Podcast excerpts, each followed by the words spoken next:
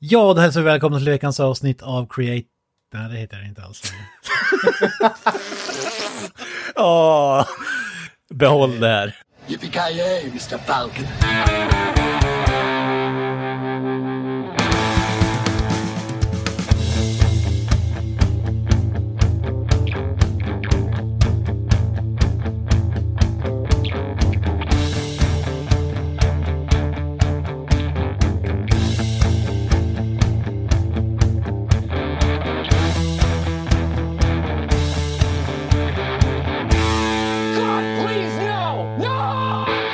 Ja, det hälsar välkomna till veckans avsnitt av Filmsmakarna. Den eh, podden med det nya briljanta namnet. Eller vad säger du Granström? Genialiskt namn! Alltså det, det var ju jag som kom på det, så att det finns ju inget annat ord att beskriva det på. Ja, jag, jag hade tänkt eh, spela ett litet spel där och hylla personen utan att nämna att det var du, men eh, ja, det, det sket sig. Ja men alltså jag är ju inte blygsam för fem öre. Jag är bäst i världen och jag vet om det. Jag är säker att alla andra ska veta om det också. Ja, ja men alltså den här liksom svenska eh, vara som alla andra blygsamheten, fejkade blygsamheten. Jag fattar inte grejen med den. Är man bäst så för helvete, visa att du är det. Säg det åt folk. Exakt, våga stå för det. Din... Ja. Våga Jävel. stå för att du är lite bättre än alla andra helt enkelt. Ja, men det är uppfriskande, det är ingen jantelag. Exakt. Men eh, däremot en person som ger jantelagen ett ansikte är Carl Nilsson, välkommen. Ja, kolla, det är en spegel här i podden. Vad är det som händer? Jag, jag fattar inte ens det skämtet, men jag skrattar ändå. Det. Ja, det är bra. Eh, jaha, hur är det ute på landet i... Topp, tipptopp. Hur är det själv? Eh, jo, då alla tiders. Huvudet Ja. upp och fötterna ner. Vilket väder vi har fått. Bilen går bra och så vidare. Ja, det är bra. Ja, sen är det ju underhållande att veta att den här biologiska klockan för er norrlänningar går ungefär lika bra som er tidtabell med bussar och skit, liksom. Hur menar du då? Ja, ja ska, ska vi dra det här Grönström eller? Alltså det känns att nu har du ändå öppnat den jävla eh, burken, så det är väl lika bra att vi spiller bönorna eller vad fasiken man kallar det. Visst är det ett uttryck, spilla bönorna? Ja. Ja, det är väl mer ett engelskt uttryck. Eh, Det här Spill the beans, ja men du, vi spiller bönorna, vi är svengelska här så det förslår. det är Google Translate-versionen av det ordspråket kan man säga. Ni kan ju få höra den här hemska slash underbara historien om hur den här podden nästan inte blev till. Vi är inte riktigt säkra på att den kommer att bli till än. Vi får se när vi trycker på stopp efter att vi har spelat in det här. Men, men än så länge så gör, kör vi på under antagandet att det faktiskt blir det här avsnittet. Vi började, vi satte oss ner vid våra fina fräscha datorer och klickade på Skype och våra mikrofoner och vi pratade och våra ljuva stämmor ljöd i lurarna och sen så började Kents dator bara krackelera därför att det är en iMac och alla som vet någonting om datorer vet att iMac suger hästballe. eh, så att eh, Kent han var tvungen att eh, bege sig ut på internet, förmodligen genom sin telefon eftersom datorn var kajkad helt enkelt. Och lyckligtvis, han tackade Gud och själen att det fanns någonting som heter indier. Små 15-åriga parver som ser ut som att de är typ åtta.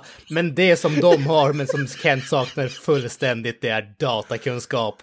Och genom taskig engelska, taskiga ordvitsar, mycket kroppsspråk så lyckades den här utsvultna, magra, åttaårigt utseende, 15-åriga indien låtsas Kent hur han formaterar sin hårddisk, installerar ett nytt operativsystem. Så nu är vi tillbaka här. Dagens, dagen i ära. Ett nytt försök att spela in det här avsnittet. Och det börjar med att Kent har glömt bort att vi ska spela in avsnittet. Och så sen så har han problem med att komma ihåg hur man loggar in på Skype. Och sen har han problem med programmet som vi använder för att spela in vårt avsnitt. Och till slut så är vi här under antagandet att vi faktiskt ska få ett avsnitt den här veckan. Jag lovar ingenting än, men vi håller Jag tänker att vi kan göra så här till våra lyssnare, att vi ska lägga upp en Patreon till eh, och se till så att Kent har datakonsult eh, 24-7 här i framtiden. Exakt. Det räcker med en dollar i månaden så får vi en indier. Och han är fan on call 24-7. Jag är evigt tacksam för eh, Indiens IT-kunskap. Utan den hade det här eh, mediokra poddavsnittet aldrig blivit verklighet. Med det sagt så ska man väl inte bli allt för eh, känslomässigt investerad, för vi vet ju fortfarande inte om vi kommer lyckas spara ner den skiten eller inte. Vi får se. Nej, till ditt försvar så är det ju en bra koppling till Gremlins här som egentligen är kända för att fucka upp teknologi. Så... Ja, det är synd bara att han inte är på ett flygplan alltså. Då hade det varit ännu mer...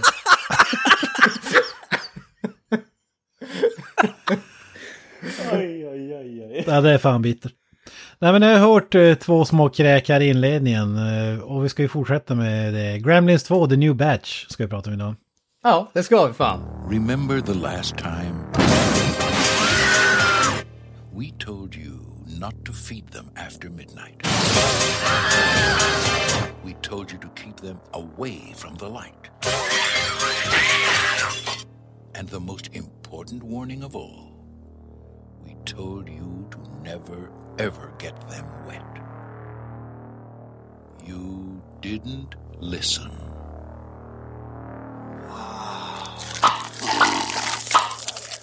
They're mutating. Is the building on fire? No, no, that's a false alarm.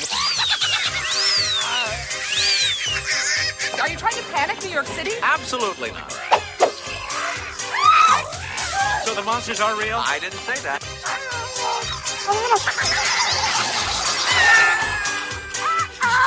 Gremlins 2. The new batch. Now, was that civilized? No, clearly not. Fun, but in no sense civilized. Eh, ja, vad säger ni? Succéartad uppföljare till den första Gremlins. Eller inte kan Alltså, man ju säga.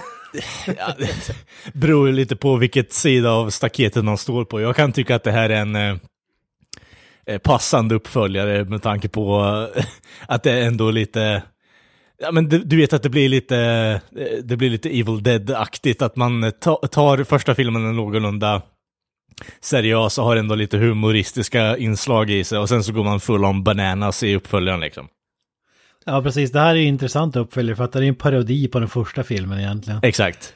Och parodi på meningslösa uppföljare. Så, så, vilket den anser sig själv vara, det måste man gilla ändå. Ja, jag, ja, men, jag, ty- jag tycker ju om hela den här, uh, om man säger histor hela historien bakom hur den här filmen blev till, eller bakom, om man säger Joe Dantes eh, involverande i den här filmen, därför att eh, filmstudion vill ju göra, eh, alltså Warner Brothers vill ju göra en uppföljare i stort sett med en gång efter den första filmen, för den första filmen var ju relativt, eller det var en väldigt lågbudgetfilm och den blev en gigantisk eh, succé. Så de tänkte att fasken nu måste vi smida medan järnet är varmt. Och Joe Dante som regisserade den filmen också, han sa ju liksom att ja men nu har jag gjort den där filmen, jag vill inte göra det, jag vill göra någonting annat, jag vill liksom ta vara på min egen kreativitet och inte upprepa mig själv. Så att eh, han liksom lämnade det projektet innan det ens hade dragit igång och så gick det runt bland olika författare och regissörer och sånt där och det liksom kom aldrig till skott.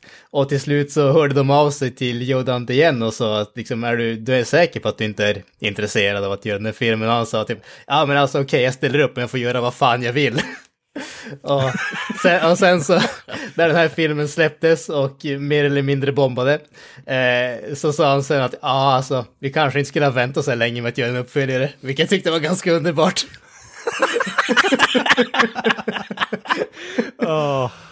Joe Dante kan vara liksom det största filmtrollet jag någonsin har eh, träffat på och hört talas om innan alltså. Det, Ja men alltså det känns ju verkligen som att han trollar Ja. sin, e- sin egen kreation och alla som betalar han. ja han, eh, han verkar vara en underbar människa rakt igenom faktiskt. Man måste ju älska också att den här filmen har en budget på 50 miljoner dollar. Alltså, fem, fem år tidigare gjordes eh, Aliens, alltså uppföljaren till Alien, för 18,5 miljoner dollar. Mm. Och det här är en jävla mupp-film för eh, 50 ska vi- miljoner dollar. Nu tror jag inte eh, lyssnarna är så intresserade av att gå in på statistik, men eh, är det någon som har koll mellan tummen och pekfingret hur mycket första drog in eller? Ja, Den men- första drog in 153 miljoner dollar. En, mot, en, mot en budget på ungefär 11 miljoner dollar. Tvåan drog in ungefär 41,5 miljoner dollar på en budget på 50. Så att Ja, det var ah, inte fy. en bra investering om vi säger så. Nej, men ändå, då har man ju ändå på något sätt en cash cow som man tror på rakt igenom och så kommer man in med tron, ja men Joe kommer rädda oss här nu, Joe kommer rädda oss. Det, här, det har legat i development hell i sju år här nu. Det kommer lösa sig grabbar. Sen Joe och Dante ger fingret åt folk på biografen liksom och så går därifrån bara. Ja, men, det, men alltså, det, lite så är det ju. Det, det, här är ju ett sånt där äh, typiskt exempel på studion fattade att det drog in pengar, men de fattade inte varför den blev populär. För hade de fattat Nej. varför den blev populär, då hade vi inte fått vänta så här länge på att få uppföljaren. Då hade någon annan, då hade de satt någon annan i den jävla stolen och sagt gör det här. Men just att de väntade på så pass länge innan de gav jobbet tillbaka till Joe Dante visar att de fattade egentligen inte vad det var som var den första filmens storhet. Nej, precis. Men vad, det som är intressant med den här är att när den kom ut så bland kritiker så var den ändå inte toksågad. Alltså det var väl blandat. Vissa tyckte det var dåligt, vissa tyckte det var bra eller OK. Alltså. Men för många såg det för vad det var, en, en parodi, inte som en... Alltså det går ju inte att sätta Grem, den första Gremlins och Gremlins 2 i samma kategori av film känns det som. Det är ju två ty- olika typer av filmer rakt igenom är det ju. Ja, precis. Men, eh, men publiken hatade den och inte gick dit. Men på senare år så har ju den här fått någon slags kult eh, upprättelse, så kallar det. Så nu har jag förstått det som att det finns eh, ganska många då som föredrar tvåan framför ettan. Och det är intressant för det var ju helt tvärtom bland publiken när den kom. Ja, men alltså, jag, kan- jag kan ändå förstå det till viss del. Jag, jag tycker definitivt att den första filmen är bättre, men det känns som att den första filmen är mer en klassisk bra film, medan den här filmen känns mer som en kultfilm om man säger så. Alltså den, här, den här filmen är ju jävligt out there. De driver ju, alltså inte bara med den första filmen, men med i stort sett allting som har med liksom storstadskulturen och allting sånt där att göra. De, det, det känns som att de sparkar så jävla hejvilt så att de, det, även om de hade missat eh, nio sparkar av tio så har de ändå, ändå hundra träffar bara för att de sparkar så jävla mycket åt alla håll och kanter.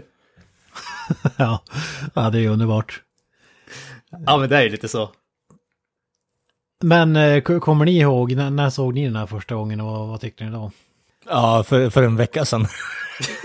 Seriöst? Ja, det är så alltså. ja, det är så. Fy fasiken.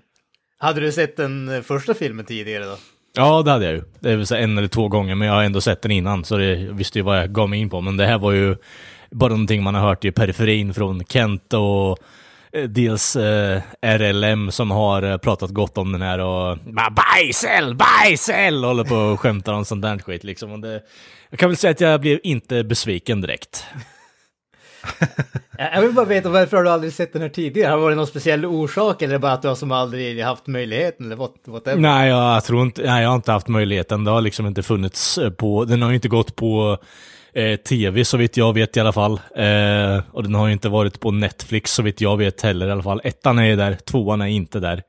Ehm, så det är väl eh, otillgänglighet och okunskap kring den, eh, ska jag väl snarare säga. Ja, ja men så kan det vara, så kan det vara. Mm. Alltså jag, jag måste erkänna att jag kommer inte ihåg när jag såg den här filmen. Det, det är första gången. Det har definitivt väldigt länge sedan, men det är något sånt där. äh, För jag kommer ihåg att jag såg den första eh, Gremlins-filmen när jag var relativt ung. Och jag kommer ihåg att jag blev väldigt skrämd av den då i alla fall. Eh, och jag tror att jag, jag sköt nog på att se den här filmen, för jag trodde att det var mer av, mer av det så att säga. Och jag var inte riktigt modig nog tror jag. Men eh, jag kommer inte, ärligt talat, jag kommer inte ihåg när jag såg den, men jag var betydligt, eh, betydligt äldre i alla fall. Samma för mig, jag såg den jävligt tidigt, den första vet jag. Och sen den här som under barndomsåren flutit ihop lite grann har jag insett på senare år. Eh, Men ja, det var ju inte så långt efter jag såg ettan i alla fall, back in the days. Mm. Kla- Klassiker där man har spelat in på VHS-band. Absolut, absolut. Med det sagt så känns det, jag kommer knappt ihåg, jag kommer inte ihåg så jävla mycket förrän vi såg om den nu så det var lite kul att upptäcka, eller när man ser det med nya ögon också nu när det har gått ett tag. Framtids eh, spådomarna och så vidare som den här filmen har gjort det ganska intressant och trots att det är Looney Tunes eh, så är det Looney Tunes för vuxna känns det som snarare än för barn. Ja, ja, men lite så är det. Och alltså det, må, det måste jag säga, alltså, bland de roligaste aspekterna nu, jag vet inte om det, det var förmodligen inte lika roligt när den här filmen släpptes, men alla de där framtidsgrejerna, alltså i stort sett uh, smart home-sakerna som faktiskt finns nu, men som de förutspådde i den här filmen, fast allting bara eh, fungerar inte som det ska, tycker jag. Det, det är fortfarande rätt underbart alltså, fy fasiken. Det, det, det är nästan de höjdpunkterna i den här filmen, skulle jag säga, för min del. Vad kan man säga? Att det var typ så Joe Dante trodde att det skulle bli där, dit samhället var på väg när jag gjorde den här filmen på något sätt. Ja, men ja, precis. Ja, men lite så är det alltså. Smarta hem och eh, vad, vad är de stora grejerna egentligen? Ja, men alltså... det, det här med, eh, vad heter det, Bi- bildkommunikatorn, det, det är inte någonting som är nytt för den här, alltså typ... Men de har, alltså det är i princip en, en telefon men du har en bildruta också. Alltså det, det är i stort sett eh, sån här, vad heter Facetime och sånt där som vi har Ja, nu. det.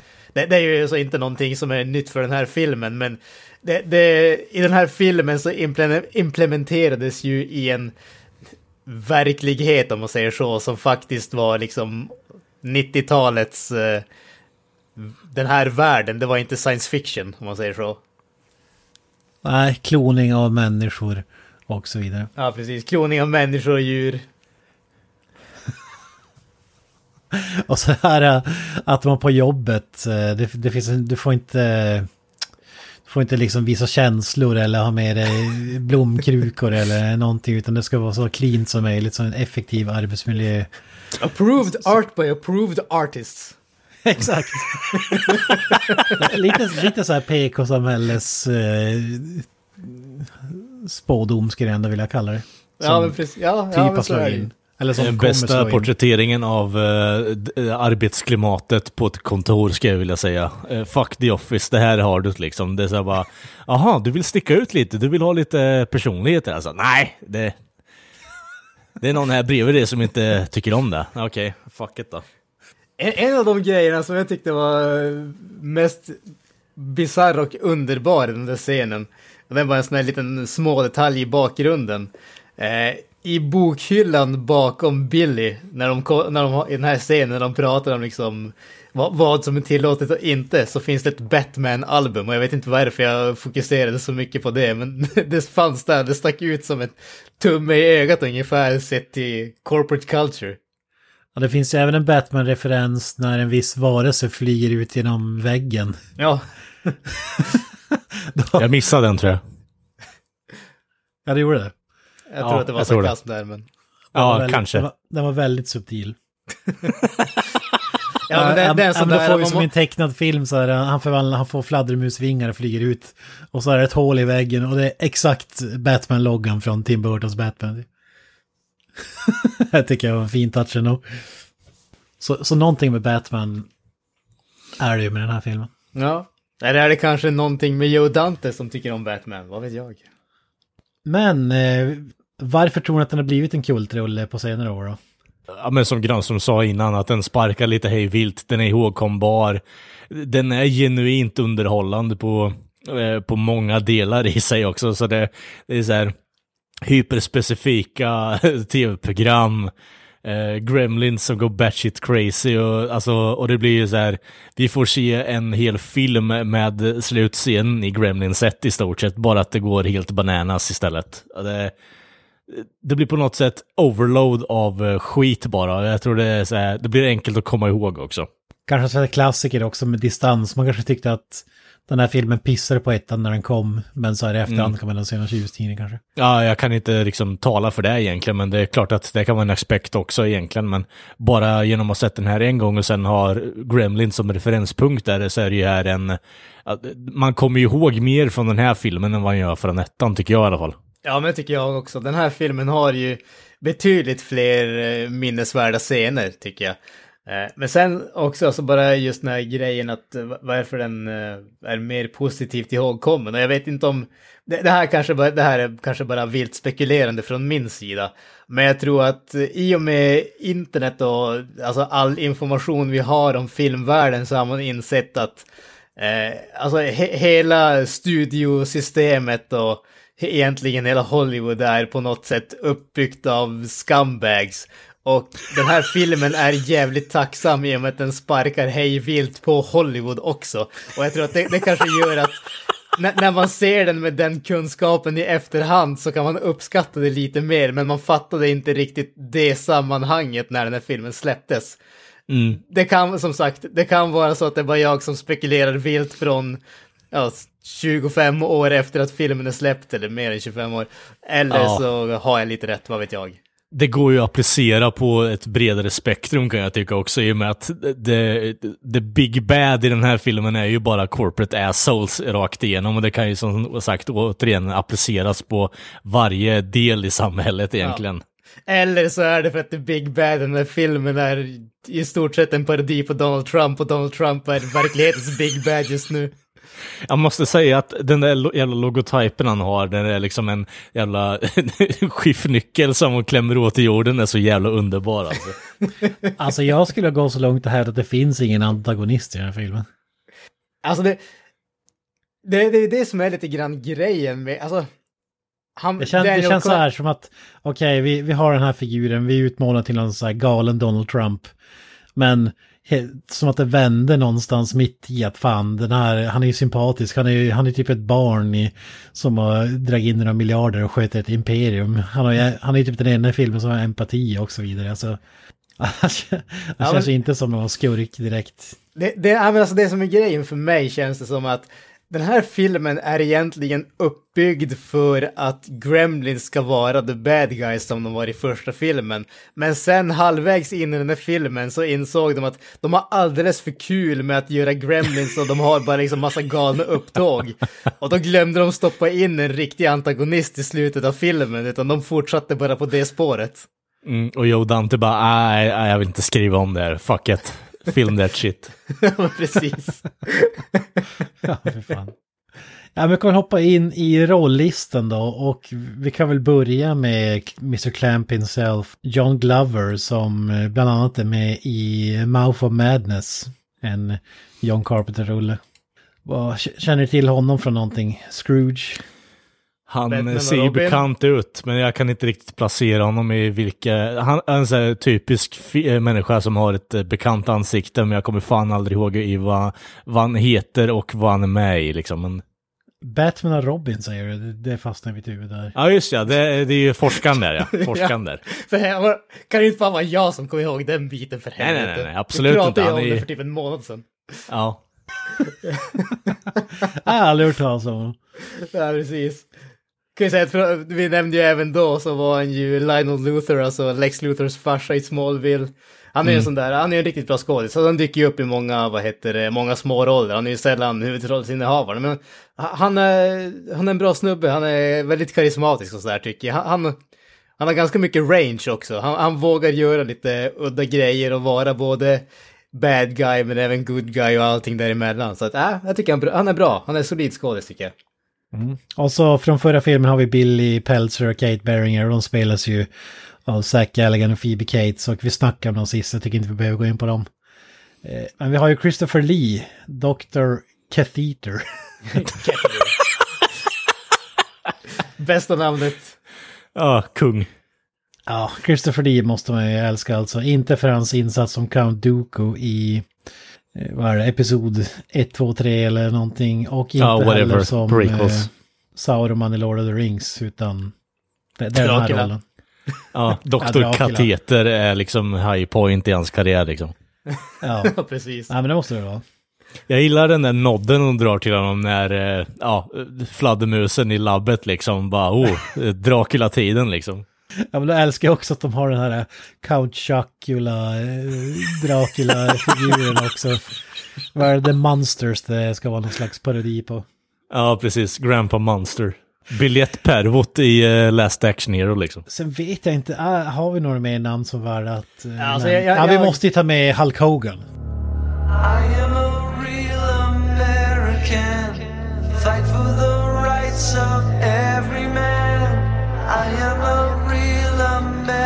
American. Fight for what's right. Fight for your life. precis. Hulk Hogan, ma- mannen som introducerar sig själv hela tiden. Ja. Han behöver ingen introduktion för han kommer att göra det själv ändå så. Han, han är ju i princip filmens höjdpunkt tycker jag när han dyker upp i en... Ja, lite längre än en cameo är det, men inte långt därifrån. Gremlins in the projection booth! Oh yeah! Jag hade nog hellre velat se uh, Macho Man i den rollen faktiskt, men det kanske bara jag liksom. Och sen älskar jag att Bubba Smith är med. Hightower från Polisskolan-filmerna. I en liten cameo. ja, det, det, det, man blir glad av att se honom alltså. Ja, precis. Jag tycker, jag känner, jag har ju faktiskt tre stycken namn till som jag vill eh, slå upp här, lite som snabbast bara. Eh, Robert Ricardo som spelar Forster, alltså den här uh, säkerhetssnubben som, eh, vad heter det, är och pinar allt och alla. Han är ju en, inte någon stor filmskådis, men däremot så är han ju en TV tv-skådis. Han har dykt upp i typ en miljard olika serier. Han är väl kanske mest känd för att han har varit med i, jag tror att det var typ två stycken av Star Trek-serierna, två eller tre till och med. Och så har han varit med i Stargate, han har dykt upp, alltså han är vä väldigt eh, välkänd sci-fi tv-skådis om man säger så. Han dyker upp i typ de flesta serierna i någon kort roll här och där.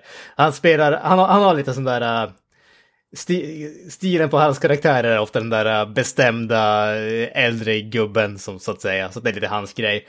Uh, sen så vi har bara, vi har ju två stycken jag ska inte ens kalla det cameos riktigt, men vi har ju våran eh, Breaking Bad-koppling där vi har Raymond Cruz eh, som är den där uh, delivery boyen som eh, snappar upp melodin från vad heter eh, Gizmo. Mm. Han, är, han spelar ju eh, Tuco i vad heter det, Breaking Bad. Och sen så är ju faktiskt eh, Hank Dean han, Norris. är väl en, han är väl ändå med från Alien Resurrection är väl ändå hans magnum opus eller? Ja det, ska, ja, det ska jag väl våga påstå. Men där kändes det inte som att eh, han var någon... Det var inte han som lämnade... Den filmen är hans magnum opus på så sätt att det är den bästa filmen han har varit med i. Men det känns inte som att han är den man kommer ihåg från den filmen. Om. Nej, touché. Sen så har vi ju Dean Norris som är med i typ två sekunder i den här filmen. Hank alltså som är med i slutet och är eh, SWAT eh, squad leader och skjuter en gremlin som ligger på marken. ja. Bisarrt nog så kände jag igen det enbart på grund av rösten, vilket måste jag känna imponerade mig själv lite grann. ja det, det finns ju många sköna sådana där äh, cameo-fibrer som man känner igen här och var. Måste jag ändå nämna Clay Davis från The Wire. Han heter egentligen Isaiah Whitlock Jr. som dyker upp. Det är väl Oh Shit-mannen, visst är det? Shit! Think I'm gonna be the scapegoat for the whole damn machine? Shit. Eh, vi måste bara nämna, jag har aldrig hört talas om honom tidigare, men Tony Randall som spelar filmens bästa karaktär, Brain Gremlin. Känd från The Odd Couple, verkar det som. Ja, fantastisk röstskådespelare och såklart Frank Welker som jag tagit upp i varje jävla avsnitt känns det som. Han har gjort alla röster i alla filmer, tv-spel, allting du kan tänka dig. Har det varit någonting där du har haft en röst men inte haft en eh, människa som är med på bilden så är det förmodligen Frank Welker som har gjort den rösten. Ja, ja helvete alltså. Allt från Anaconda till Mortal Kombat och Predator. Ja. Listan är oändlig. Eh, jag, jag tycker vi lämnar rolllistan där. Det är väl dags för filmen på tre minuter. Yes. Ja, tar fram tidssuret här då, så kan du göra dig redo Kente och stretcha munmusklerna eller vad fan det än du behöver göra liksom. Stretcha munmusklerna. Ja. 3, 2, 1, kör!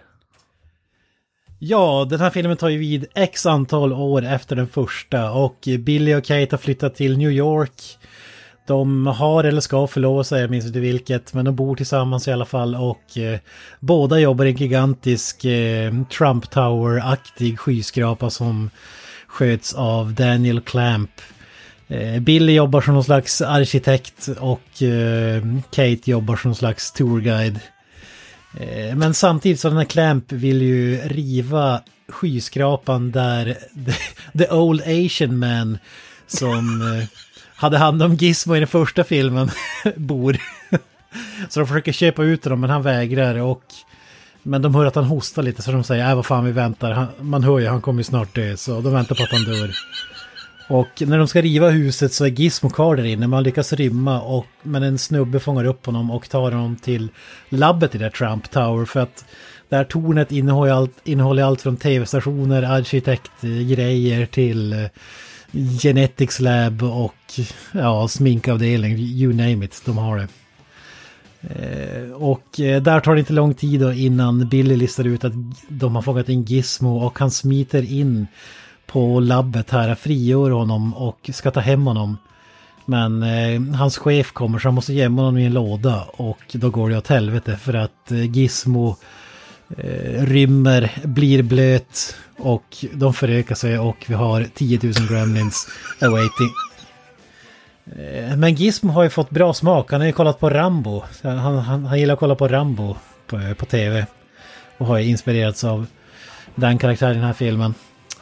Eh, Så Gremlins eh, tar över det här Genetics-labbet. De häller i sig alla möjliga. De har ju allt från malaria till brain substance. Och vi får ju en smart gremlin, en el-gremlin, en fladdermus-gremlin. eh, Ja, du, all, spider-gremlin och så vidare. Eh, Så de löper ju amok där i skyskrapan och eh, ja, filmen leder fram till att de ska försöka stoppa alla gremlins. Eh, Och de har masterplaner de ska lura ut dem i dagsljus. Eh, Men ja, det, det går väl sådär. Eh, men eh, till, till slut så lyckas de, eh, Billy och alla 30 säkerhetsansvariga lyckas eh, lura ut alla gremlins i aulan och få dem blöta och elektrifiera dem med den här elgremlin. Innan dess så skjut, tar Gizmo på sig en bandana och skjuter ihjäl Spider Gremlin alla Rambo. Men då ska man, det är mord visst, men då ska man komma ihåg. Det var Gremlin som drog first blood. Gizmo blev bara pushed too far. Eh, och filmen avslutar med att eh, säkerhetsavdelningen blir upphånglad av en transvestit Gremlin. The end. Slut, slut. Där har ni Gremlins 2. Ja, det, är en, eh, det, är en, det är en bra cliffhanger där liksom. Det, Lite osäker på om det ska vara en transvestit eller en kvinnlig Gremlin. Det är högst stort. det är ju eh, genmanipulering eh, dryck den här eh, gremlingen dricker för att byta kön. Så det är ju en... M2F så att säga. Ja, exakt. Ja, det är så alltså. Ja, det är det. Jag tänkte för att en, en Gremlin dryck, dricker ju från ett provrör och får små, små glasögon. Så jag vet inte riktigt vad reglerna är här i. Jag tror ingen bryr sig om reglerna med tanke på att det, det är lite hej vilt rakt igenom filmen. Så. Och den här snubben får ju klänning och läppstift i sin genetics drink. Ja, precis. Och eh, mänskliga genitalier. Så. ja, det är underbart. Magiskt att se Rambo i Gremlins 2, det måste jag säga. Det var höjdpunkten för dig alltså. Ja men, ja men, nej, ja. Nej, höjdpunkten är eh, Hulk Hogan och som jag inte ens nämnde här. Men det kommer väl in på sen. Och eh, Brain Gremlin är min... Alltså filmen lyfter till skyarna när han kommer in i handlingen. Så, så är det bara bara. Bara själva tanken på en intellektuell gremlin, den är fantastisk. Med miniglasögon dessutom. Det, det är pricken i tycker jag. Ja men vi har ju snackat lite om eh, vad vi tyckte och sådär. Men vad, vad säger ni nu som helhetsbetyg? Håller den fortfarande eller är den bättre eller sämre än vad ni minns? Jag skulle nog säga att den är bättre än vad jag kommer ihåg den som. Jag, jag, än en gång, jag tycker fortfarande att den första filmen är en bättre film, men det, det känns som att jag uppskattar humorn mer i den här... eh, jag uppskattar humorn i den här filmen mer nu än vad jag gjorde när jag var liten. Även om det är ganska mycket slapstick-aktig humor också. Men, men helheten tycker jag funkar bättre för mig nu ändå. Ja, med tanke på att jag inte hade någon eh, tidigare intryck så, eh, och bara har hört hörsägen här egentligen så blir det ju... Eh, ja, men den levde upp till det jag hade fått höra innan i alla fall. Eh, och mycket mer därtill. Och jag kände att eh, den här filmen gjorde så att jag fick, fick mig ett gott skratt. Och det, det var fan behövligt alltså. Det var ett tag sedan man fick se på en genuint underhållande och rolig film på det här sättet. Mm. Jag minns den faktiskt som mer underhållare om jag ska vara ärlig. Jag tyckte den var ganska... Ah, det, det känns trist att säga det, men den var ganska tråkig under långa stunder. Precis som... Jag tyckte att den första, jag är inget fan, när jag var liten älskade jag Gremlins, men nu i vuxen ålder så är det någonting med... Ah, det, det är lite som att se, kolla på Goonies. Jag avskyr den filmen när jag ser den nu. Jag såg den inte när jag var mindre, men det krävs en sån här nostalgiskimmer för att man ska gilla det känns det som. Men jag, jag uppskattar ändå många av skämten här, främst de subtila eh, jabbarna som filmen delar ut. Och sen de kanske mest galna också. Men som, som helhet så är det, det borde vara roligare än vad den är, tycker jag. Eller mer underhållare, rättare sagt. Med det, med det sagt så håller jag nog ändå eh, den här högre än ettan, måste jag säga. Alltså det, för mig känns det lite grann som samma sak som vi sa där, varför den har blivit en kultklassiker. Jag tycker den första är en bättre film, men jag kan ändå köpa den här som, jag kan köpa att folk uppskattar den här mer, att man upplever att den är mätt... Alltså den här filmen känns mer som en... Jag vet inte vad jag vill se på, slå bara på någonting för att ha det gående i bakgrunden och så ska jag kolla några minuter och ändå tycka att det är hyfsat underhållande. Första filmen känns som att jag måste se hela filmen för att uppskatta den om man säger så. Ja, det här är ju komedins motsvarighet på Die Hard också, så jag vet inte, jag kan ju inte låta bli att inte uppskatta det på grund av det också. Eh, jag menar, hela filmen tar, tar ju plats i en stor skyskrapa. Eh, de jobbar sig ner i olika mm. alltså, nivåer i skyskrapan och liksom möter hot och så vidare. Så det här är ju Die Hard rakt igenom, en kopia av. Ja, ja det finns eh, grova likheter i alla fall. ja, den är väl en, det är väl en kopia slash parodi av flera filmer kan man säga. Jo, eh, om vi säger så här då. Eh, The Blueprint är ju Die Hard. Eh, väldigt mycket i alla fall. Men, jag gillar det där, varför det tar plats i en skyskrapa. Det är lite som när fredag den 13 Jason takes Manhattan typ. Ja, vi skickar dem till Manhattan. Nej, vi har bara råd att skicka dem till Toronto då fan där. Och så mm. får vi spela resten av filmen får utspelas på en båt. Och här var det lite samma sak. Trots den enorma budgeten så insåg de att fan, det skulle, det skulle bli alldeles för dyrt att släppa loss Gremlins ute på stan. Så då kom de på den briljanta idén att ja fan de är rädda för dagsljus. Vi stänger in dem i en skyskrapa så kan de inte lämna förrän det blir eh, natt. Och i, i våran timeline så hinner det aldrig bli natt innan filmen är slut. Så. Det och Christopher Lee behöver ha malaria, så det är ganska dyrt. ja, så. ja, så är det. Kan vi inte bara uppskatta att genlabbet heter Splice of Life? jag tycker det är rätt underbart. Det är så mycket ordvitsar och liksom så här småskämt som, uh, ja det är underbart bara rakt igenom. Det, ja. det, är så mycket, man känner verkligen så här kärleken i det här hatet som Joe Dante har kring att göra den här filmen. Han har verkligen bara tömt sin hjärna på allt han vill göra med Gremlins i den här filmen. Underbart. Men det, det är de där små detaljerna som är briljanta tycker jag. Alltså, som när de ropar ut, det är bara helt random i en scen i bakgrunden, ropar de ut i högtalarna. Eh, See Casablanca, now with more color and a happy ending. så jävla bra. Och så sen där uh, tv-studion när det finns olika så här uh, cooking channel. Vad jag förstod så fanns det inga så här matlagningskanaler innan den filmen gjordes utan den förutspådde de också. Men att det finns Arrow Archery Channel. Channel. Ja, Archery Channel. Archery ja. Channel. det är rätt underbart. Jag, jag tycker också om att, vad heter det, vad heter det, B Billys uh, boss eller vad man ska kalla hon, när, när hon säger att, när, när hon försöker bjuda ut honom på mid, arbetsjobbmiddag så att säga. Och så säger hon bara I have an engagement with the Archer channel, reading a pamphlet or whatever. so, but I'm, I'm skipping it for you. Som att liksom the Archer channel, det är liksom vikten av uh, height of success om man säger så. Tycker ja. jag, är underbart.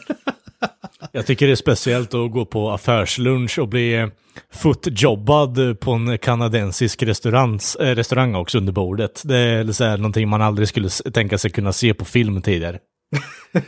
Nej, det där var ju bara någon sån här uh, kanadensisk parodi också, hela restaurangen. Vad fan är de säger? Mousse? Nej, vad är det? Chocolate mousse, är det det de säger? Ja, precis. Uh, would you like some corn? Och servera liksom ett, ett älghuvud i choklad. det är, ja. ja. det är inte lika briljant. Men, jag, jag tycker att den här filmen den här filmen öppnar ju också bara jävligt hårt när de kommer till eh, den kinesiska gubben och säkerhetssnubben där kommer ut och kommer in och säger bara att Mr Clamp would like to talk to you. Då tar han fram en tv och ett VHS-band och stoppar in och så Snö- snubben har bokstavligt talat spelat in ett VHS-band med sig själv där han liksom försöker berätta att det är ingen mening att uh, stanna kvar här, sälj till mig så kommer jag ta hand om det ungefär. alltså när de går iväg, yeah, you can keep the TV. Jag tycker det är så jävla underbart. Ja, Ja, det är så riktigt bra att power det- move. Det är lite som så här när, när så här MC-gäng ska åka och pressa någon eller maffian ska åka och pressa någon för att de ska flytta därifrån. Och så rullar de in en jävla tv då och så stoppar Ja. in VS-bandet. Det är fantastiskt. Jag måste ju säga att det där låter ju lite mer alltså, passande och eh, kraftfullt och eh, jag vet inte vad jag ska säga ens, men eh, lite mer, eh, ja men alltså, jag tror det slår lite hårdare än att ta någons knäskålar liksom. Ja, det är ett jävla power move att lämna en tjock-tv Mm. där på... You can keep the TV. You're gonna die anyway, bitch. Ja, det var ju jävligt kul tycker jag. När, de bara, ja men hur, hur ska vi göra? Han vill verkligen ha det. Och så säger den ena snubben bara, ja men jag hör ju inte honom hosta, han, han kommer ju dö när som helst. Vi väntar bara på... Sex veckor senare bara, ja, mycket riktigt. Ja. Lite besviken dock på att det var ju mycket, mycket sexuella undertoner i den första Gremlins kom vi fram till sist, men inte i den här, Mm. eller vad säger du? Jag Ja, skulle kalla det övertoner istället. sexuella övertoner om något. Ja, som sagt, footjob på eh, kanadensiska restaurangen. Eh, eh, transitioning gremlin. Det är fel sorts... Det är inte bathroom buddy undertoner, alltså det. Nej, det är, fast som sagt det är ju övertoner istället. Ja, ja, man får väl hacka i sig det. Ja, När vi är inne på tv-apparater i början av filmen också så tycker jag det är så jävla kul när eh, de, den här snubben så och försökte förhandla med eh, The Asian Man, Gremlins Forster. farfar. Mr Wing eller vad fan han heter. Han, eh, den snubben, de, de kallar in honom typ Come quick eller någonting åt det hållet. Då har de fångat en eh, snubbe som röker på arbetstid på kamera i säkerhetsrummet. och, och, så, och så ropar de bara ut i en högtalare bara Du där, du har fått sparken, du röker på arbetstid, det är inte tillåtet. Och det bästa med det är att skådisen där är Henry Gibson, eh, nazisten från Blues Brothers. ja han ja. Han är ju briljant alltså. Det är så kul att han Ja. är med i så extremt liten roll bara. Men han är ju så, han har ju så underbart jävla ansikte. Han, eh, han förgyller ju skärmen varenda gång han är med i någonting. Han behöver inte vara med jättelänge som så här, neonazisten som sagt. Eh, vad är det mer han är med i Kentucky Fried Movie när han pratar om liksom så här dödssymptom? Va? Att eh, så här, first comes rigor mortis, then drowsiness, and then expect, unexpected uh, laziness, eller något sånt skit liksom. Jätteabsurt. Han är så här underhållande ansikte på något sätt. Underbar människa. Ja, Hans ansikte fastnar på skärmen och i hjärnan. Ja, man kommer ihåg honom. Ja, absolut. Och så absoluta introt, det tyckte jag inte var kul alls. Looney Tunes introt, det är bokstavligt talat ett animerat intro till filmen. För att sätta tonen gissar jag, men... Ja, nej, alltså det, det, jag, håller, jag håller helt med dig där. Det, det kändes verkligen bara utdraget och ointressant i ärlighetens namn. Jag har alltid haft svårt för Looney Tunes eh, humor. Alltså jag såg typ allt annat tecknat. Förutom Looney Tunes som jag tyckte inte... Eh, jag, jag vet inte varför. Det, det är bara inte kul alltså. Daffy Duck och vad är det mer? Snurresprätt och så vidare. Alltså jag, jag måste säga att jag håller med där. Jag, jag har aldrig fastnat för Looney Tunes-grejerna heller. Det enda som jag egentligen har uppskattat med dem det är ju Space Jam. Men, men det, det, är ju typ det enda. Bortsett från det så nej. Ja, Fullkomligt ja, jag, kan, jag kan inte hålla med i det här. Looney Tunes är underbart. Även om som sagt det passar inte in i den här filmen, men Looney Tunes är ju väldigt vuxen humor också. Det är ju väldigt subtilt när man tittar efter, så det är ju perfekt passform för den här filmen egentligen. Så. Ja, alltså som, än en gång som sagt, som Kent säger, alltså de hade väl med det förmodligen för att sätta tonen och på så Mm. sätt så fungerar det väl. Men, men jag kan inte säga att jag tycker att det speciellt tilltalar någonting sånt. Nej, nej, det håller jag med om. Det, det är bättre att gå rakt in på Gremlins istället för att hålla på. Det är därför jag kan så här, störa mig på uppenbara referenser som Batman-loggan där också för den delen. Att det blir lite för on the nose istället för att man håller det någorlunda subtilt liksom. Ja men det, det är ju något som skulle kunna dyka upp i Looney Tunes, sådär hål i väggen, som en tecknad figur bara, man ser shapen av kroppen. Ja, så ja, men inte Batman-loggan kanske, men vad fan vet jag. Nej, nej. ja, det är där jag är med mig. Men, men det, det uppskattar ju mer än Looney Tunes introt, man ska säga. Ja. Det var så jävla långt också, det känns som att det var flera minuter långt. Ja, ja, jag, jag kan hålla med om att introt är värdelöst. Och precis eh, på den nivån tycker jag att eh, Hulk Hogan interruptionen där är eh, också minst lika värdelös alltså. Nej, fan. Det, det, jag tycker den är riktigt kul. Alltså den, den är värdelös fram tills att Hulk Hogan dyker upp i handlingen, ska jag säga.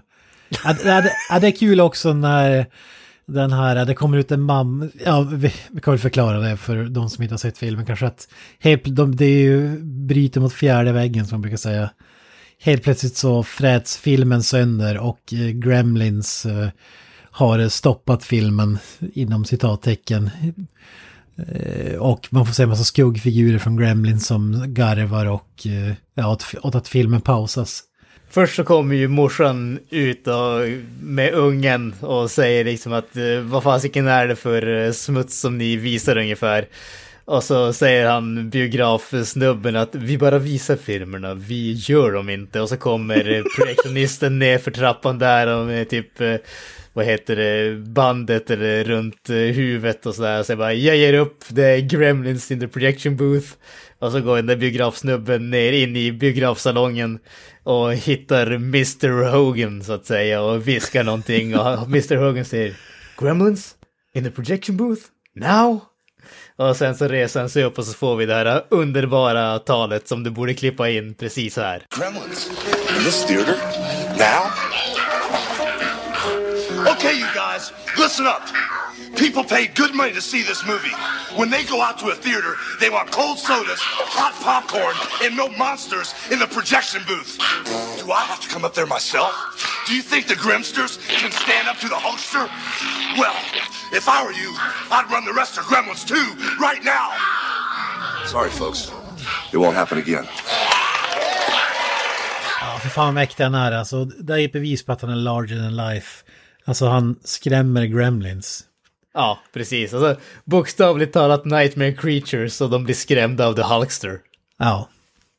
Ja, det är Hulkamania represent, eh, bortsett från den eh, 2000-talet av Hulk Hogan så att säga. Straight trash garbage. Moving on. Ja, men jag gillar ändå den scenen i lobbyn när morsan kommer ut och gnäller och han har med sig sin unge. Det ska ju tydligen vara baserat att Joe Dante rå- råkar ut för det under den första filmen. Att det kom Ja. någon morsa utspringande i lobbyn och typ vad fan är det här för någonting? Jag trodde det var en barnfilm men det är skräckfilm typ. Ja, precis. Ja, men då, vi kan ju ta det bara för att det, det hör ju faktiskt till det här.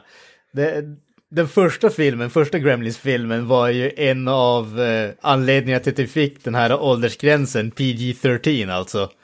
Eh, innan den så fanns, ju det in, fanns den inte, utan den första filmen var ju bara PG, vilket är typ i stort sett barntillåten så att säga. Och det var väl den och så var det en av Indiana Jones-filmerna, jag kommer inte ihåg vilken för jag har noll koll på Indiana Jones som släpptes där i samma veva. Och eh, publiken, eh, läs föräldrarna, eh, tyckte att det här är ju alldeles för våldsamt för eh, barnfilmer. Och ledde väl till ett mindre ramaskri och istället för att eh, bara höja åldersgränsen till Arl R så insåg de att vi måste ju ha någonting som ligger här emellan. Så då fick vi den här eh, PG-13, alltså motsvarande 11-årsgräns i stort sett. Så att lite intressant nog, trots att den första filmen är egentligen mer våldsam och betydligt mer skrämmande så har den en lägre åldersgräns än den här filmen som ju då är rated PG-13. Fast det är en komedi. Ja, det, det är jävligt eh, skruvat alltså. Ja, det är lite intressant. Fast å andra sidan, alltså å ena sidan kan jag förstå det bara för att de kan ju inte retroaktivt ändra åldersgränsen på den första filmen. Däremot vet jag inte om jag tycker att den här filmen förtjänar den högre åldersgränsen heller. Nej, jag vet inte riktigt vi- vilken scen det är som... Är det footjob-scenen på restaurangen eller? Ja, du, Alltså, skulle jag- se jag det, att- du skulle se regissörens eh, slutkatt där egentligen liksom. Alltså om det är någon scen som jag tänker på så är det väl förmodligen eh, Gremlins i eh, dokumentförstöraren. Ja, just det, just det. Det, det, det är väl typ den som jag skulle säga är... eh, Men det brukar de ändå, motivera- det brukar de inte ha något emot så länge det är varelser och så är det grönt blod. Det är så, samma med alien och så vidare. Ja, nej, så är det ju Hur faktiskt. mycket är sant. alienblod som helst, men så länge det inte är människor, då är det fritt fram att göra vad du vill typ. Men, men när vi är inne på fjärde väggen-grejen, jag, jag tycker det är jävligt kul den här, äh, den här Sissel Ebert-figuren som spelar sig själv. Som recenserar, Maltin. Ja, precis. vad heter han sa du? Leonard Maltin. Ja, som spelar sig själv. Som tydligen sågade den första filmen. Eh, I en sån här tv-recensionsgrej. Och där, där, vad heter han, Joe Dante nu bjöd in honom och gör en parodi på den. Och då såg han ju den första filmen igen, men då kommer ju Gremlins och attackerar honom så att han säger bara ah, jag ändrar mig, jag ändrar mig, 10 av 10. den tyckte jag fan var rolig faktiskt. Det är kul att han ha lite självdistans i alla fall, båda två till och med. Men vi, vi går väl vidare, vi måste ju prata när eh, Gizmo kikar på Rambo. Ja, behöver vi egentligen ta vidare? Det känns som att du sa allting där. Gizmo Ja, kikar på precis. Rambo. Ja, precis som i första filmen drar han inspiration från tv-burken liksom och eh, Ja, det är den här berömda eh, pilscenen där en snubbe exploderar av en pil. Det är ju magiskt. en så underbar eh, referens till det här, på tal om en helt annan film, UHF liksom, när han hade på att stå typ en meter ifrån honom med eh, pilbågen liksom exploderar gubbfan. Ja, men är, är det inte där, eller är det Hot Shots kanske? Nej men, nej, men det är väl UAF när de står och pepprar så här, typ tio, tio personer står bara med kulsprutor en halv meter ifrån och skjuter på Ja, honom. exakt. Och alla exakt. missar och han bara, Ja, underbart. Jag gillar också att eh, den här lilla detaljen att Gizmo har på sig ett sorgeband i början av filmen. För att hedra sin bortgångne... det, märkte jag inte ens, men ah, nice. Ja, de säger vad är det du har här för något svart band runt armen? Och ska tydligen vara en hyllning då till Wing eller vad han kallas. Okej. Ja men herregud, han, Billy går ju igenom det när han hittar Gizmo och tar in på toaletten där. Okej, ja, jag har Då, då missat. börjar jag liksom, fasiken, vad, vad har du på det där? Ja du menar den där gamla kinesen? Oh, mm. Gamla shit. Han var inte så ung. Ja, och sen Nej, tar han på sig en röd bandana i äkta Rambo-style. Men här gillar jag också, vi måste hylla Sylvester Stallone som gav sitt godkännande. Det var ju tack vare honom som de kunde visa eh, bild, ra, bilderna från eh, Rambo-filmen på, i den här filmen. Så, The only stipulation is that I get to voice a gremlin. ja, jag tror, tror att han är Gremlins-fan. Sir Stallone. 100 procent. Ja, ja, det är ju man med smak och klass. Så.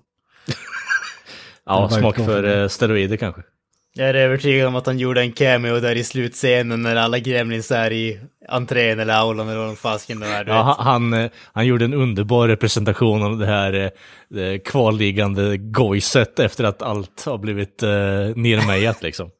Exakt. Nej, men det, det är faktiskt han som sjunger New York, New York i det Frank Sinatra-musiknumret. Jag tror du tänker på Frank Stallone, men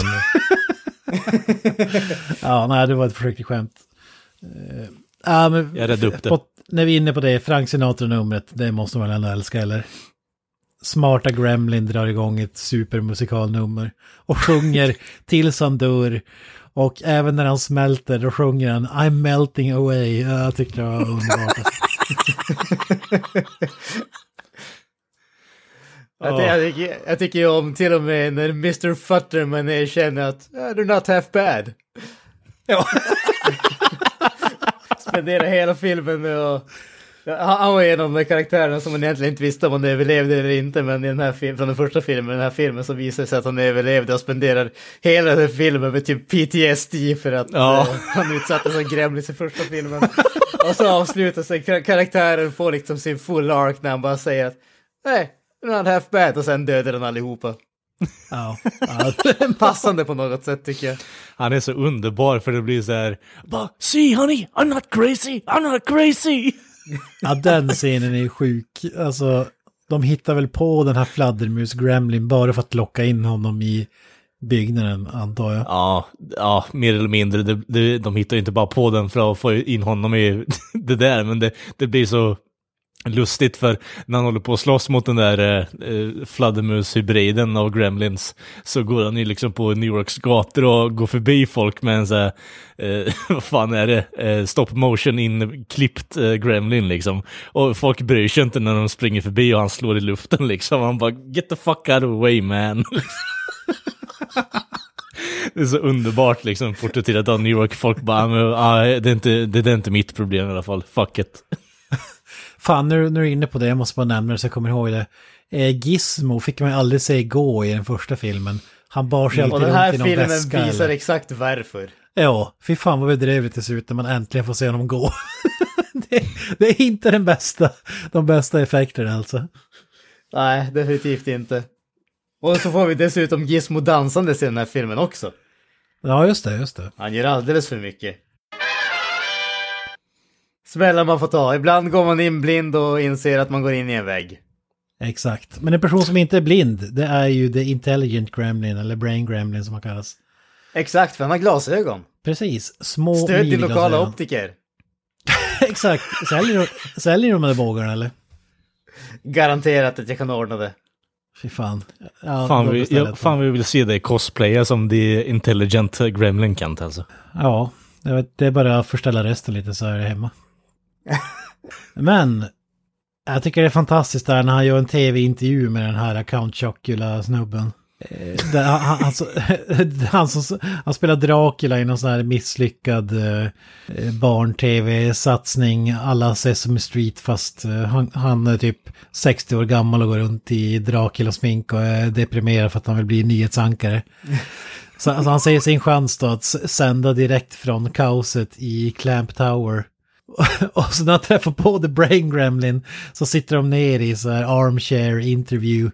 Och eh, han säger någonting om, ja vi, vi, ja, ja vi vill ju utforska stan och vi måste ta reda på Broadway-shower, hur man fixar biljetter dit. Och sitter den Gremlin och snackar om det är så jävla kul. Och så säger Ja, jag vi, vi vill ju vara civiliserade, eller vad Ja, han, vad han säger. Titta, Ja, ja, precis. titta på den här snubben till exempel. Ja, men han blir, han blir som tillfrågad så här. What is it that you want? Uh, Brain Gremlin börjar liksom. What we want is what everybody wants and what you already have. Civilization. Och sen så drar de igenom det här liksom. I want diplomacy and uh, vad heter det? Chamber music and Broadway tickets and everything. Och så kommer den där uh, liksom uh, och så tar han fram uh, pistolen och skjuter en i No, is that civilized? No, clearly not. Fun, but in no way civilized. Ja, det är så jävla kul alltså. Ja, det, ja Brain Gremlin, det är filmens höjdpunkt tycker jag alltså. Fan vilken magisk karaktär.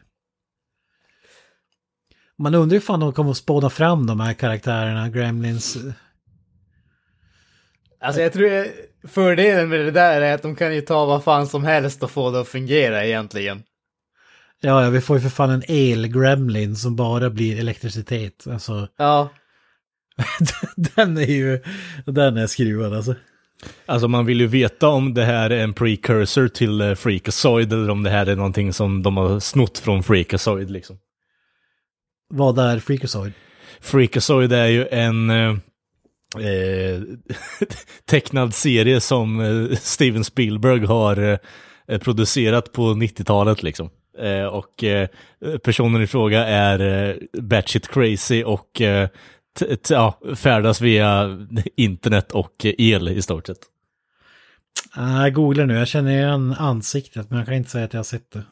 Ja, okej. Och så man kan ju nämna, de använder ju den här el-gremlin för att eh, electrocute.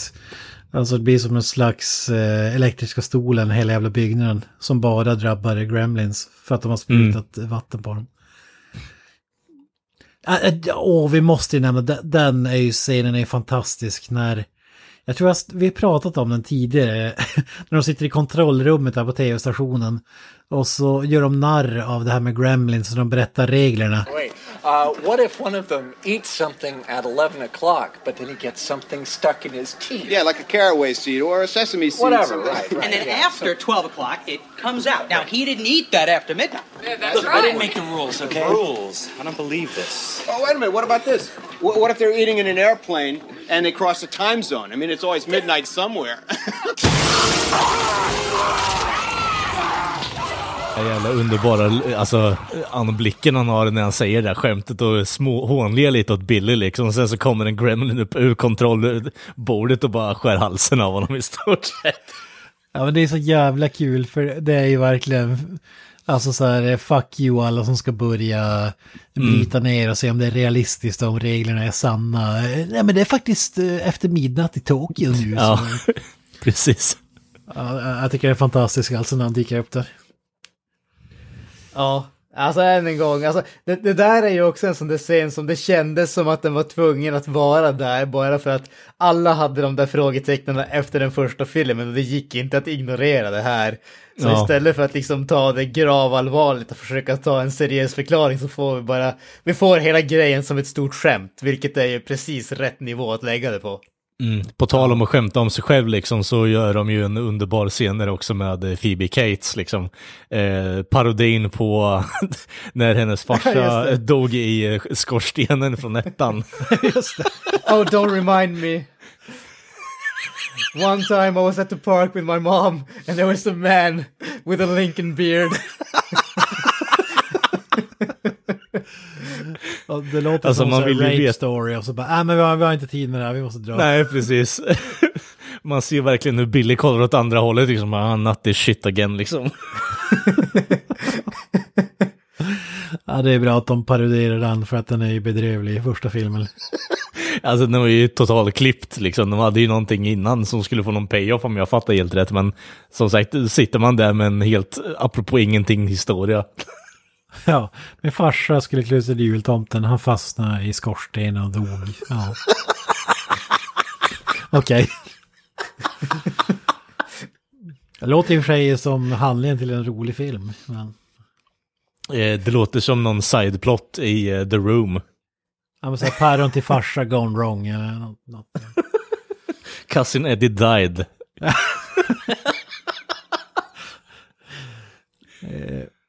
Men sista scenen som är värd att ta upp är väl egentligen den absolut sista där. Där var, var han säkerhetschef eller vad fan var han för någonting? Så vi? Ja, säkerhetschef. Han hamnar... De tror att alla gremlins har dött, men the female gremlin då, eller vad man ska kalla det, lever. Och eh, har hånglat upp honom då. Ja.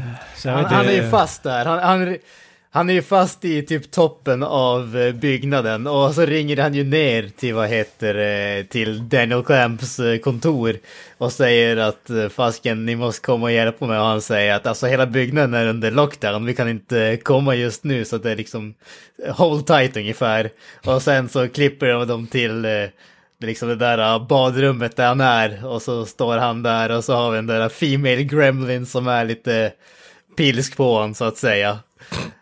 Och eh, vi får den där, uh, han aktar sig och sen så får den där motvilliga acceptansen som inte skulle vara okej idag om vi säger så. Fast det där är ju liksom inte ens motvillig acceptans. Det där är ju bara, "Ah, I can get in on that shit liksom. Ja, exakt. Det är mer att han förlikar sig med tanken att ah, fan, vi har något här. Ja. Det är värt att utforska det. Ja, fan, om det blir en pred alien, om man blandar en predator och en alien, vad fan blir det här då? Det var en alldeles för svår, svår, svår fråga kände jag. Det kändes som att det finns för mycket parametrar för att kunna göra ett bra, eh, som kortfattat skämt. Man behöver ha lite betänketid på sig där. Ja, det blir väl en bathroom buddy då. Ja, där har du det. Det var det, han, det, var det Billy Peltzers farsa liksom arbetade upp till. En, eh, en eh, transitioning gremling i, eh, i varje mans badrum. Ja, fy fan. Alltså mina, mina anteckningar till filmen försvann ju i datakraschen, men jag måste ändå hylla Christopher Lees karaktär. Jag minns inte exakt vad han säger, men det är någonting när Gremlins löper amok och han säger, ja men tänk om folk skulle dö. Vilken hemsk PR det skulle vara. Ja, ja, ja men... det är den här... All they have to do is see three or four children and they're most, the, mo the most appalling publicity. Ja. det är det allt handlar om, det är samma för Clamp också. Ja. Ja, ja men skitsamma, vi kan spin this shit uh, PR-mässigt så det är lugnt. Ja, men alltså, på, på Don't alert the media. Ja, men på tal om det där, alltså bara kul saker, alltså som du sa, som vi tog upp tidigare, alltså den här jävla byggnaden alltså. Jag älskar ju de här, vad ska man kalla det, typ personalmeddelanden eller vad man ska kalla det. jag, tycker de är, jag tycker de är så jäkla underbara, alltså när, det, när byggnaden börjar brinna och så får vi den där äh, rösten bara Fire, the untamed element, the oldest of man's mysteries, giver, so, giver of warmth, destroyer of forest. Right now, this building is on fire. Alltså bara, that's right, this building is on fire. Ja, jag tycker det är så jävla bra. Sen älskar jag också bara det här uh, videobandet i slutet när, uh, vad ska man säga, eller typ nä, nästan i slutet där Daniel Clamp har accepted defeat och slår på det här uh, avslutningsmeddelandet på sin tv-kanal och så bara Because of the end of civilization, the ca- camp cable the clamp cable network now leaves the air. We hope you enjoyed our programming, but more importantly, we hope you enjoyed life. det är så jävla bra. Ja, det bästa var ju att, jag, läste bara bland trivian att tydligen så hade de upptäckt att det var typ CNN eller något sånt där Ja. som hade ett, sånt, ett riktigt sånt där meddelande som de skulle sända in case of the world's end ungefär. Ja, alltså till en film Vilket som- bara gör det ännu mer underbart. Ja, det är underbart bara tanken att det ligger någon dammig VS någonstans som ska tryckas in när det är dags för the end of the world och så spelas ett automatiskt meddelande upp. Man, fan vad man hade velat säga det alltså.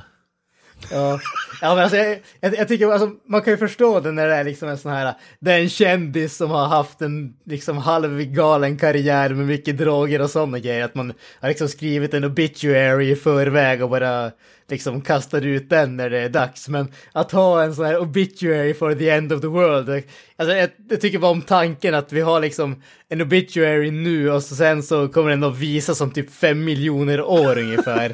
när mänskliga civilisationen har gått under och så får de ett VHS-band från 80-talet ungefär.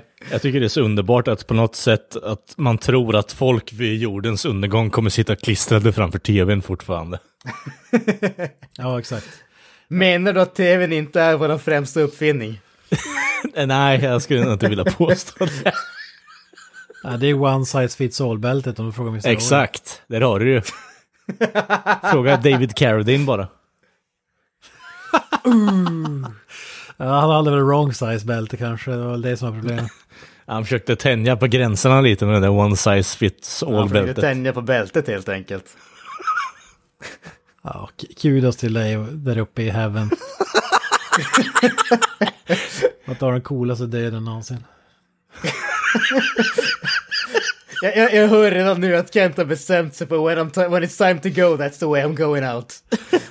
Ja, det, det är i alla fall den historien jag vill att man ska spin, PR-spinna. Att det, det var så. Ja, men det, det, var, det var så det gick till. Det var så. Vad, With a belt in my hand and my dick in my other hand. Hur dog farfar? Ja men, ja du vet stryprunkaren 92 liksom. Han, hade inte han cancer? Nej, nej, nej, nej, nej. Det var mycket coolare än så. Ja precis. Tumören på ryggen, det var pulsera liksom. Men han, han bestämde sig för att kämpa emot den där tumören, unga, små barn. Han dog i The Great Stryprunkning av 2021. Och med de orden så säger vi tack för idag tycker jag.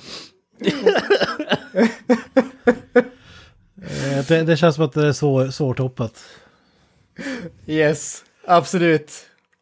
Har du några avslutande ord kring Gremlins 2? Kolla in den. Den är fan underhållande. Jag säger inte att det är ett mästerverk, men den är fan underhållande. Det finns, I detaljerna finns det så mycket underbart så att den är fan värd att se även om man aldrig har sett eh, Gremlins överhuvudtaget tidigare. Den blir eh, säkerligen bättre på repeat viewings med tanke på att det finns väldigt mycket eh, som sagt i detaljerna. Och eh, vi har ju inte ens gått in på den här underbara matlagningsshowen där eh, ja, men en liten skvätt cherry till eh, maten och en stor till mig. Ja, nej, alltså, även om jag tycker att den är stundtals ganska långtråkig så är eh, pikarna värda en, en titt ändå. Så det blir en recommendation i alla fall. Yes. Och då återstår det bara det här med Up the Irons. Hail Satan. Eh, bye bye. That's it, man. Game over, man.